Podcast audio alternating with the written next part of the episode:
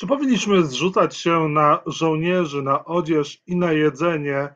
I co z polską armią? Czy ona jest dofinansowania, na, czy może jednak za mało na nią przeznaczamy? O tym między innymi dzisiaj w programie Rzecz o Polityce. Jacek Nizinkiewicz, zapraszam.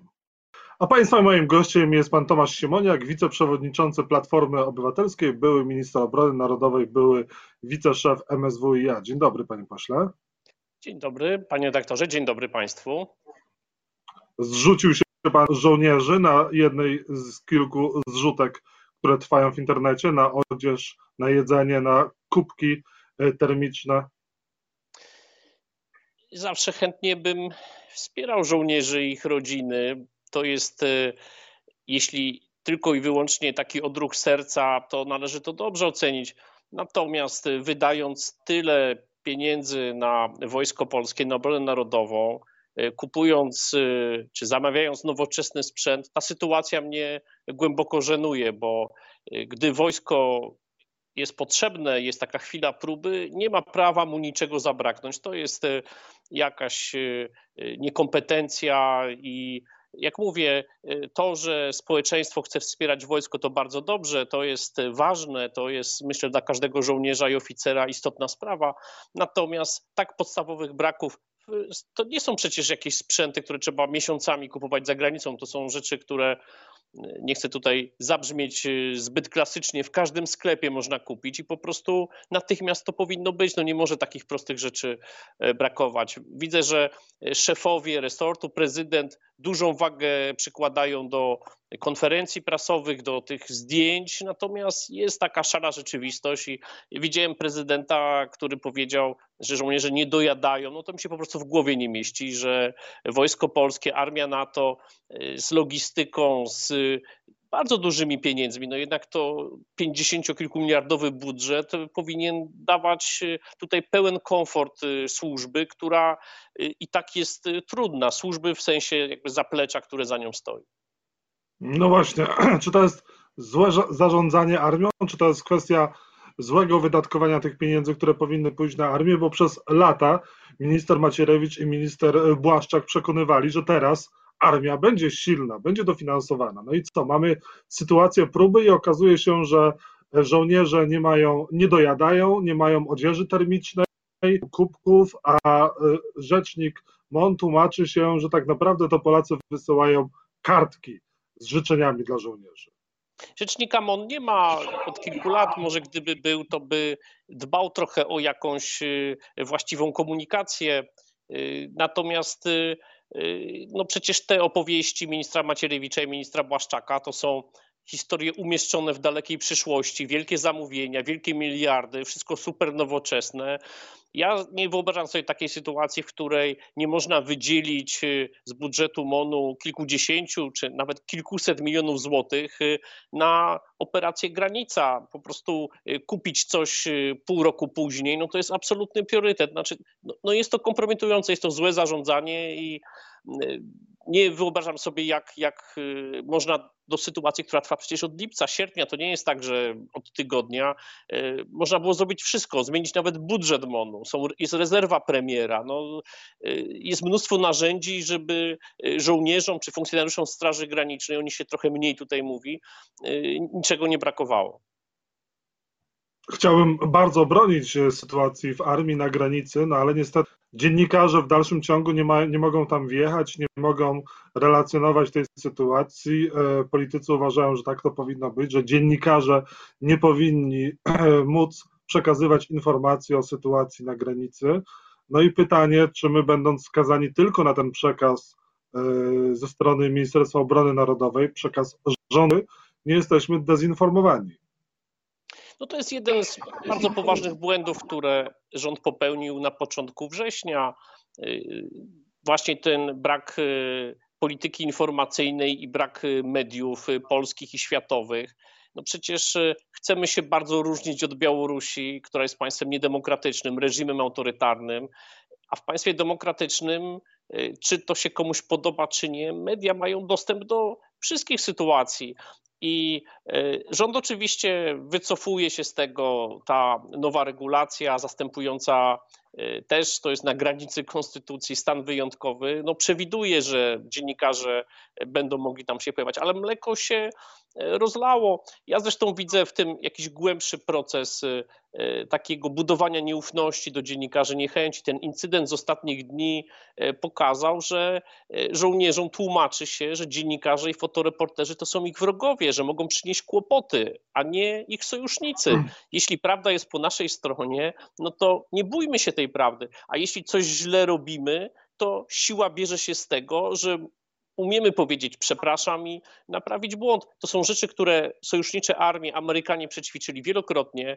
Przecież y, nigdy nie ukrywali przykrych incydentów, które no, były dla nich bardzo dotkliwe też politycznie, ale zawsze uważano, to są doświadczenia jeszcze z wojny w Wietnamie, y, że lepsza jest prawda jakby w każdą stronę własnej opinii publicznej, opinii światowej, czy tych, którzy są tutaj uczestnikami konfliktu, niż kłamstwa, bo one prędzej czy później wychodzą na jaw. Więc bardzo mi się to nie podoba, że no właśnie nie ma rzecznika, nie ma, nie, nie wiadomo kto za to odpowiada komunikacyjnie. Było trochę chaosu na początku, to zastąpiono to takim właśnie e, gonieniem dziennikarzy, którzy na różne sposoby no, wykonują po prostu swoją pracę, a stali się nagle jakimiś osobami wyjętymi spod prawa. Czy w takim razie minister Mariusz Błaszczak powinien przeprosić za zachowanie e, żołnierzy wobec dziennikarzy, za ten atak i wulgarne zachowanie na dziennikarzy? Później też e, jeden z generałów tłumaczył, no niezgodnie z tym, co usłyszeliśmy na taśmach, jak wyglądała e, sytuacja. Usłyszeliśmy, że między innymi jeden z dziennikarzy miał brodę, w związku z czym mógł zostać różnie odebrany, niekoniecznie jako dziennikarz. Czy szef MON powinien przeprosić atak żołnierzy? Oczywiście, ja uważam, że w takiej sytuacji, jakby nie wnikając y, nawet specjalnie w szczegóły, y, powinno się przepraszać, bo to jest y, instytucja państwa, to jest Ministerstwo Obrony, to jest wojsko i jeśli doszło do takiej sytuacji, przepraszam jest dowodem siły, a nie słabości a minister Błaszczak, y, no, lubujący się właśnie przebierać w mundury, szukający jakiegoś takiego twardego wizerunku, ogłasza, że jest murem z żołnierzami. Nie na tym to polega, żeby bronić y, każdej sytuacji takim szantażem moralnym, że żołnierze tutaj są na służbie, wykonują ważne rzeczy. Tak, oczywiście to, to, to jest przede wszystkim.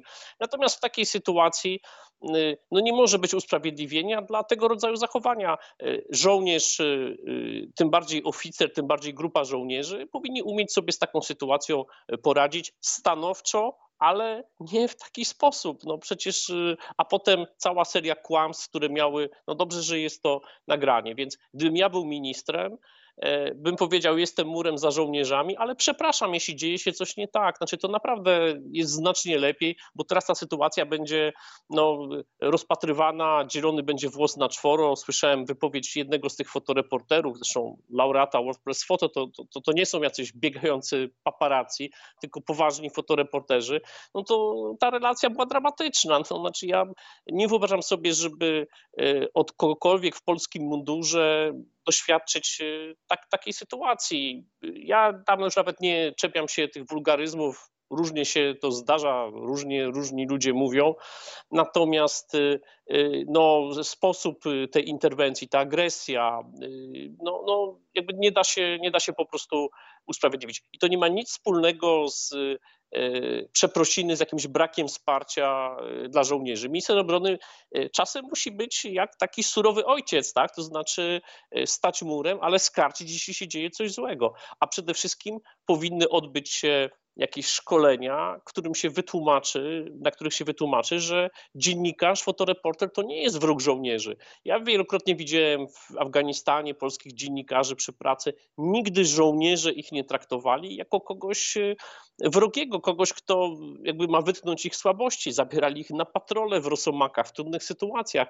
E, dziennikarz e, zawsze w takich sytuacjach jest kimś, na, na, na, którym żołnierz też powinien jakoś tam polegać, bo on walczy o opinię publiczną, on walczy o, o prawdę, walczy o to, żeby społeczeństwo wspierało to, co żołnierze robią. Znaczy, to, to, to jest, demokracja nie polega na kłamstwie i, i zatajaniu wszystkiego, tylko na tym, że wolimy prawdę. W tej sytuacji mamy 100% racji, tym, co się dzieje na granicy, bo się mierzymy z hybrydową agresją Łukaszenki, a wygląda to niespecjalnie właśnie przez y, takie, takie podejście i ręczę, że wielu dziennikarzy, przecież byli jacyś zatrzymani na komisariacie dziennikarze francuscy, niemieccy, znaczy naprawdę z jakąś absolutnie zbędną agresją. Dziennikarz zachodni, bo Polscy to może już różne rzeczy widzieli, absolutnie nie spodziewa się w państwie demokratycznym tego rodzaju zachowania. No i, i, i, niestety to się, to się dzieje i na tym tracimy. Ta wojna informacyjna przecież też się, też się toczy. Panie ministrze, zostały nam dwie minuty. Proszę o krótsze odpowiedzi. A gdzie jest Donald Tusk? Od 11 listopada milczy. W Warszawie pracujemy, rozmawialiśmy długo we wtorek właśnie o sytuacji na granicy z nimi, z przewodniczącym Budką. Z tego co wiem, e, przez kolejne dni odbywa serię spotkań wewnętrznych, więc e, jest, pracuje. Proszę się nie obawiać, proszę się nie martwić. Ale ja się nie martwię, ani się nie obawiam. Pytanie, kiedy lider e, Platformy Obywatelskiej, największej partii opozycyjnej, zabierze głos na temat tego, co się dzieje chociażby na granicy. Od 11 listopada szef Platformy był niewidziany. Ktokolwiek widział, ktokolwiek wie. No, widziałem się z nimi i długo rozmawialiśmy o sytuacji na granicy, o sprawach międzynarodowych. E, dzisiaj, z tego co wiem, ma zaplanowany wywiad na żywo w internecie, e, więc e, jest i, i normalnie, normalnie pracuje no, praca lidera też polega na tym, że po prostu od rana do wieczora się zajmuje stanowisko, że się zajmuje stanowisko w ważnych sytuacjach, ważnych problemach stanowisko, nie pojawia się raz na tydzień. stanowisko w sprawie granicy, także jak mówię, no dzisiaj będzie okazja popatrzeć y, na, na Donalda Tuska i, i posłuchać i, i będzie to w formie e, wywiadu z wolnym medium. No, kiedy prezes Kaczyński udzielił wywiadu, że nie znał pytań wcześniej. Także proszę tu e, Donalda Tuska nie krytykować. Nie jest parlamentarzystą, więc nie chodzi po korytarzu i e, nie można mu zrobić zdjęcia. Natomiast zapewniam pana redaktora, wszystkich, krótko odpowiadając, że e, pracuje i, i jakby tutaj jego, jego energia jest bardzo duża. Czyli dzisiaj będzie można popatrzeć na Donalda Tuska. Mam nadzieję, że również usłyszeć o tym, jakie jest alternatywne rozwiązanie rozwiązania tego kryzysu e, na granicy. I ostatnie pytanie na koniec. Proszę mi powiedzieć, e, czy powinny być wprowadzone obostrzenia e, dla, dla tych, którzy się nie zaszczepili, tak jak na przykład w Czechach, że nie będą mogły osoby niezaszczepione wchodzić w miejsc, do miejsc publicznych, do kin, teatrów, restauracji? Uważam, że powinna być jakaś promocja tych, którzy są zaszczepieni. Nie wyobrażam sobie, żeby, nie wiem, niezaszczepiony nie mógł pójść do sklepu spożywczego po, po jedzenie, jak Y, no, musi po prostu, a obowiązku szczepienia nie ma dla wszystkich. Natomiast jakieś imprezy masowe, mecze, koncerty, tu gdzie nie musi się iść, uważam, że powinno być y, jakaś forma promowania. No, patrzyłem bardzo zdziwiony przy tej liczbie zakażeń na mecz, na którym było ponad 50 tysięcy ludzi. Gdyby wprowadzić zasadę, że tylko zaszczep, tak jak jest w wielu krajach, no to byłoby to zupełnie inaczej. Natomiast rząd nie robi kompletnie nic, nawet nie podejmuje dyskusji w żadnej sprawie. Jest to zdumiewające.